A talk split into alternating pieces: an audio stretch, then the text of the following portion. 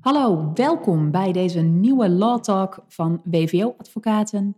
Mijn naam is Patricia Wijmans en ik zit hier met mijn collega Annemarie Bussen. Welkom Annemarie. Hallo. Leuk dat je er weer bent. Wij uh, hebben vandaag weer een leuk onderwerp uh, op de planning staan, namelijk de zorgplicht van de werkgever. En dan eigenlijk een beetje vanwege de nou ja, twee recente uitspraken die wij voorbij zagen komen. Uh, waarbij een werkgever in, in het ene geval wel aansprakelijk werd uh, geacht voor een val van een werknemer en in het andere geval niet.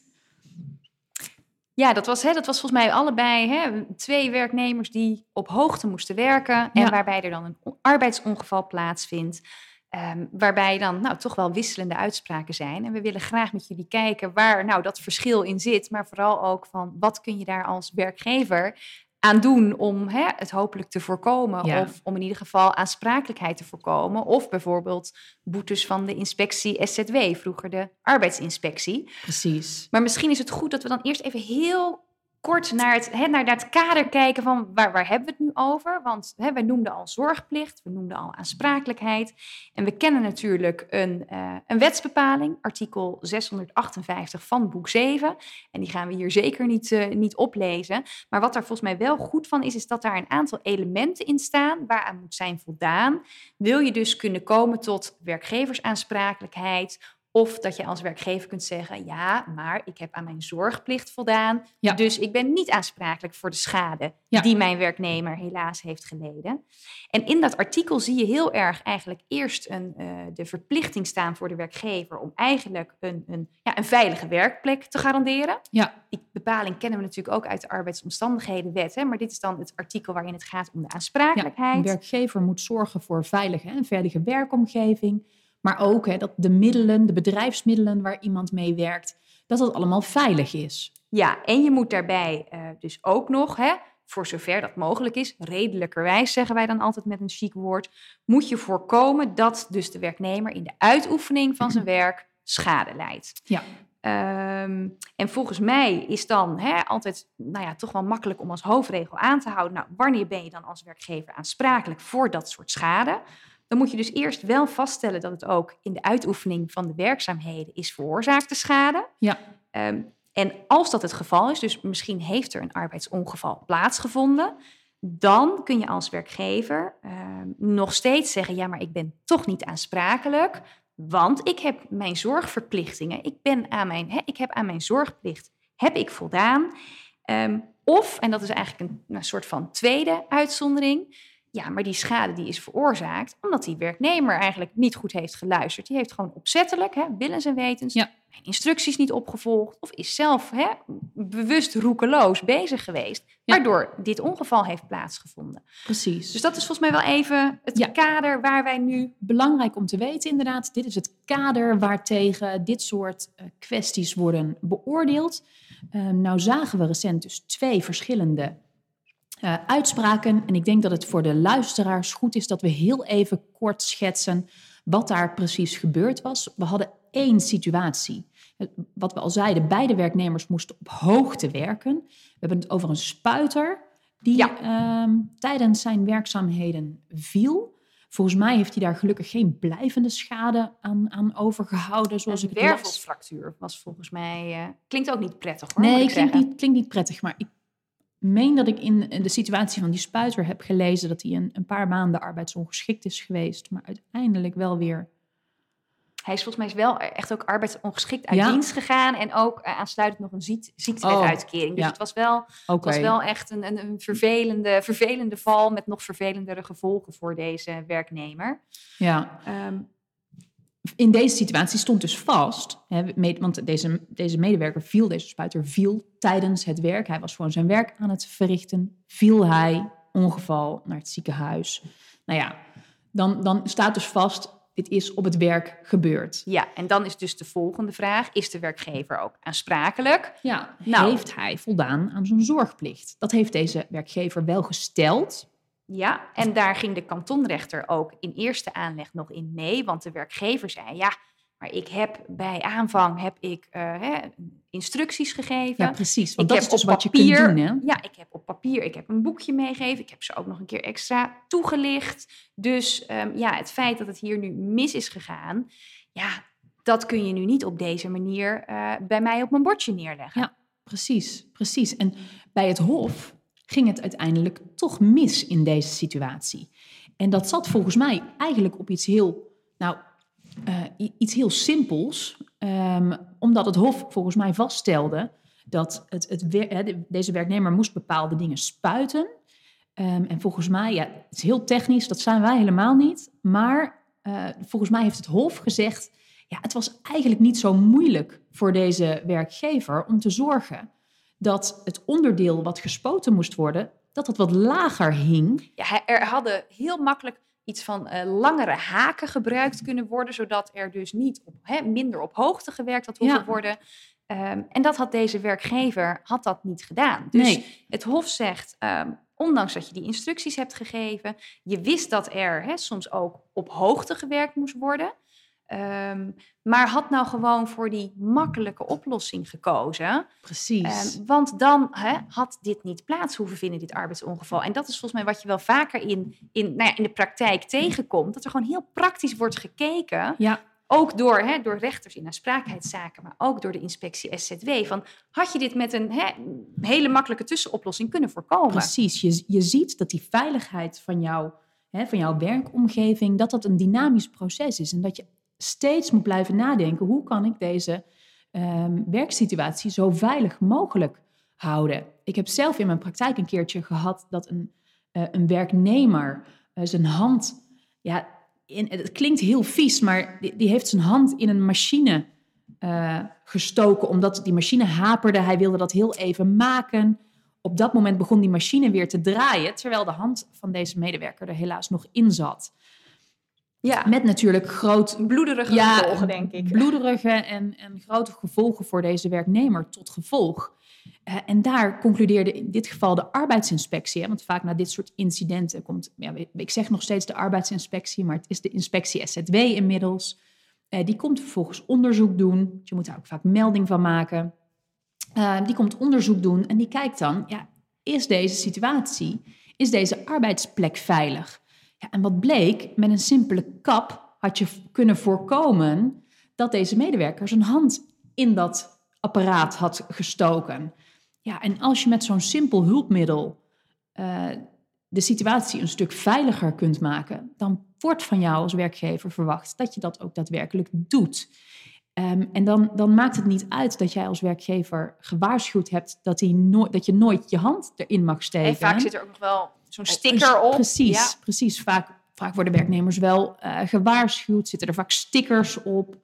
Ehm, maar als je dus met een simpel kapje kunt voorkomen dat iemand zijn hand erin steekt, ja, dan, dan had je dat moeten doen. En dan kun je dus ook, eh dan kan de inspectie SZW dus ook een fikse boete opleggen. Ja, want volgens mij ehm, hoor je ook nog wel vaak dan ja, dat het een soort van, het is een ervaringsfeit dat als iemand heel lang ergens mee werkt en Ja. zegt, joh, ja, maar dit gebeurt tien keer op een dag, dus ik doe dat wel vaak, dat ik heel eventjes, ik weet precies welk palletje ik eventjes weer recht moet zetten. Ja. Dat je juist hè, bij mensen die dat heel vaak doen, dat die, ja, die worden dus wat onzorgvuldiger en dat je daar dus als werkgever juist rekening mee moet houden omdat, hè, omdat je dus gewoon weet, omdat ze dit zo vaak doen, ja, is er minder aandacht voor Ja. die veiligheid en ook Ja. voor de instructies die jij hebt gegeven. Ja. En zou dat dan ook betekenen, ik weet het niet, maar hè, zo'n machine, dat je misschien ook ieder jaar of elke twee jaar informeert bij de fabrikant van hé, hey, ik heb deze machine.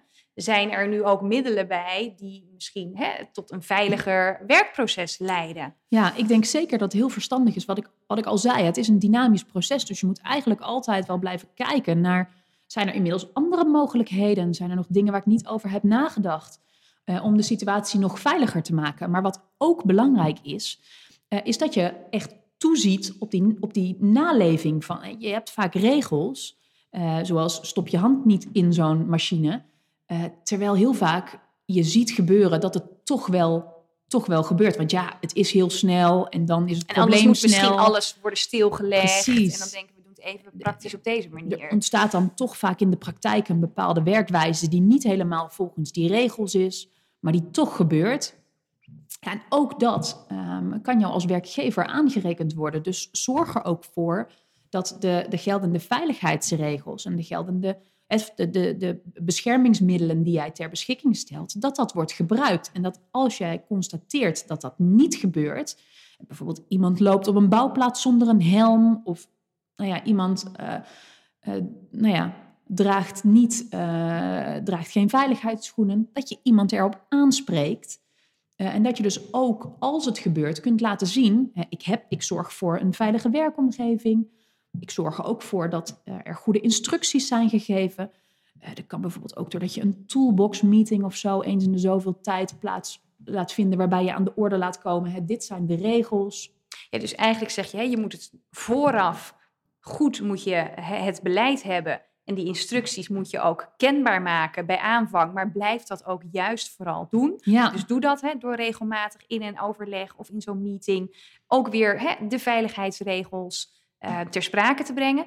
Plus dat je zegt, als je signaleert, hé, hey, maar het wordt hier niet opgevolgd, dat je dan ook ingrijpt. Dat je daar een soort van zero tolerance uh, op toepast. Van luister, hè, dit lijkt misschien nu door ons overdreven, maar weet gewoon wat de consequenties kunnen zijn. Hè? Dus dat je ook een beetje ondervangt dat mensen denken, ja, maar ik doe het al jaren zo en het gaat al jaren goed, want het hoeft maar één keer mis te gaan. Precies, en een bijkomend voordeel is dat als je, uh, stel nou dat er een keer wat gebeurt dan op de werkvloer, uh, de inspectie SZW komt, doet een onderzoek en legt een, een, vaak nemen ze dan eerst een voorgenomen besluit. Hè. Dus dan zeggen ze, joh, we zijn voornemens om een boete op te leggen, maar dan kun je je zienswijze nog indienen. Dan kun je ook nog aangeven, ja, maar kijk, ik heb er zelf echt alles aan gedaan. Namelijk, ik heb zo gezorgd voor een veilige omgeving. Ik heb instructies gegeven en ik heb er ook op toegezien dat die instructies worden nageleefd. Dan kun je, uh, daarmee kun je soms een boete uh, of helemaal van tafel krijgen of matigen. Omdat je zelf toch echt wel je hebt ingespannen om ja, dit soort situaties te voorkomen. Ja, dus, dus eigenlijk hè, wat, wat we volgens mij uit deze uitspraak van, van het Hof kunnen leren, is even voor het stuk hè, civiele aansprakelijkheid. Van ja, um, kijk ook echt of er misschien op een hele gemakkelijke manier toch nog um, hè, iets kan worden verbeterd aan jouw werkproces als het gaat over de veiligheid. Ja. En inderdaad, voor het punt van de inspectie SZW speelt eigenlijk hetzelfde. Zorg dat je kunt laten zien dat jij aan je zorgplicht hebt ja. voldaan. Ja. Voor deze werkgever ging het dus in hoger beroep ging het mis, maar we hebben nog een uitspraak. Precies, we hebben nog een uitspraak uh, van een medewerker die had, die werkte ook op hoogte, die had daarvoor, zat helemaal vast in een harnas, was valbeveiliging.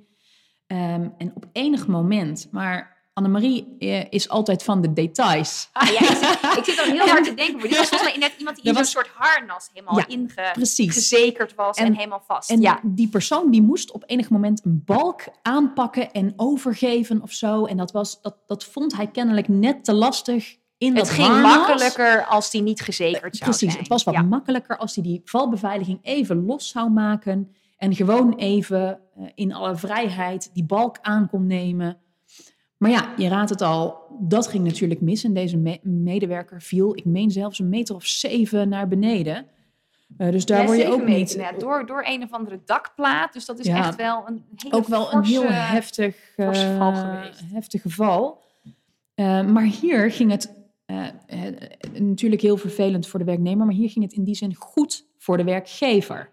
Ja, eh, klopt. Kijk, want hè, we kunnen een vinkje zetten tijdens het werk. Ja, de schade ja. is opgelopen tijdens het werk. Dan is het, hè, dus de werkgever is aansprakelijk, tenzij aan de zorgplicht is voldaan of er sprake is van uh, bewust roekeloos handelen van de werknemer. Ja. En dat laatste punt is wat de kantonrechter in deze uitspraak aannam.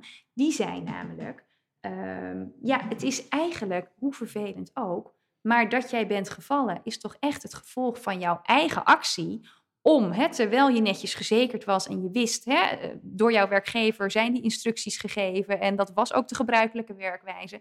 Maar jij hebt dat zelf willens en wetens gedaan. Ja. En daarom is eh, in deze de werkgever niet aansprakelijk voor de door jou geleden schade. Precies, want de inspectie SZW had hier ook geen boete opgelegd, omdat ze hebben geconstateerd, nee, deze werk, werkgever heeft gezorgd voor een veilige werkomgeving, die heeft dan al zijn verplichtingen voldaan.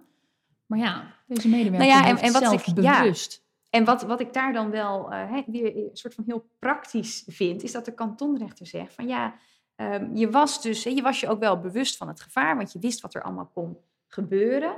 En ehm, het is niet zo dat jij je even hebt losgemaakt omdat er, hè, er was haast of er was spoed of het moest nu aangepakt worden, anders zou het erg. Nee, je had alle tijd om het ook gewoon netjes te doen volgens de procedure ja. die ervoor is.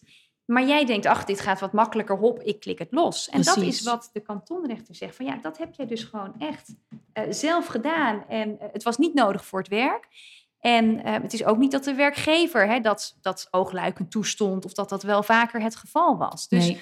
ja, zo zie je toch echt dat het de werknemer is die ja, de schade voor eigen rekening moet nemen. Ja. Hoe, hoe zuur ook. Hoe, hoe zuur ook. Dus de praktische tip die we hier ook mee kunnen geven aan, uh, aan onze luisteraars, uh, met name dan aan werkgevers, is ja, zorg, blijf gewoon steeds goed kijken naar je eigen organisatie. Uh, en blijf kijken naar ja, hoe, hoe kan ik zorgen dat mijn werkomgeving zo veilig mogelijk is. en dat kan vaak door hele simpele dingen. Uh, denk bijvoorbeeld bij een kantoorgebouw aan, aan anti-slipstrips op de trap. Uh, zorg dat je trapleuningen goed vastzitten. Hè. De, de RINE, de risico-inventarisatie en evaluatie, is daar ook een heel goed hulpmiddel voor.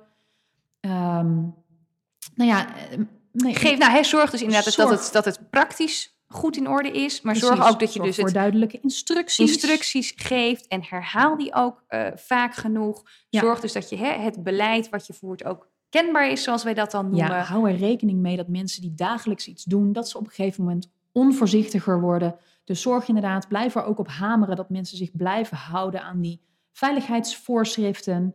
Ja, en zie er goed op toe dat dat ook daadwerkelijk wordt nageleefd. Want als jij oogluikend toestaat dat mensen ja, in de waan van de dag of in de snelheid of uit gewoonte toch uh, alternatieve manieren verzinnen waarbij ze zich niet aan de veiligheidsvoorschriften houden, dan kan de rekening daarvan uiteindelijk bij jou als werkgever worden neergelegd. Ja, nou ik denk dat dit twee hele duidelijke voorbeelden waren waarbij uh, hè, de werkgeversaansprakelijkheid wel of niet werd aangenomen, maar waarbij in ieder geval geen discussie was over de vraag, ja, is dit ongeval of is de schade nou ja. het gevolg van de werkzaamheden. Want daar is namelijk nog wel een ander uh, aspect bij, maar daar willen we graag een andere keer uh, wat dieper op ingaan. Als we, als we dat nu zouden behandelen, dan zouden we compleet uit de tijd lopen. Maar je hebt natuurlijk ook, ja, er kan niet alleen uh, lichamelijke schade ontstaan op de werkvloer, maar ook psychische schade. Bijvoorbeeld burn-out ja. um, is denk ik volgens mij, maar ik heb de cijfers zo niet helemaal paraat, toch wel een van de meest voorkomende oorzaken van uh, ziekteverzuim tegenwoordig in Nederland. Ja. Alleen ja, dan is natuurlijk de vraag als een werknemer zegt. Ik uh, stel mijn werkgever aansprakelijk voor de schade die ik uh, als gevolg van mijn psychische klachten of mijn burn-out leid. Ja. ja. dan is volgens mij dat puntje van ja, maar is dit dan, hè, is dit schade die is veroorzaakt tijdens het werk, is, ja. een, is een leuke. Dat is een lastigere. Die gaan, we, die gaan we volgende keer met elkaar bespreken. Voor nu wil ik jullie bedanken voor het luisteren. Um, mochten jullie nog opmerkingen hebben of onderwerpen uh, die je graag een keer behandeld wil zien, schroom dan niet om contact op te nemen met ons. We vinden het heel leuk als, uh, ja, als jullie laten weten wat jullie van onze podcast vinden. Uh, volg ons, ehm, like ons en heel veel, nou ja, we hopen dat jullie met plezier hebben geluisterd en tot de volgende keer. Tot de volgende keer.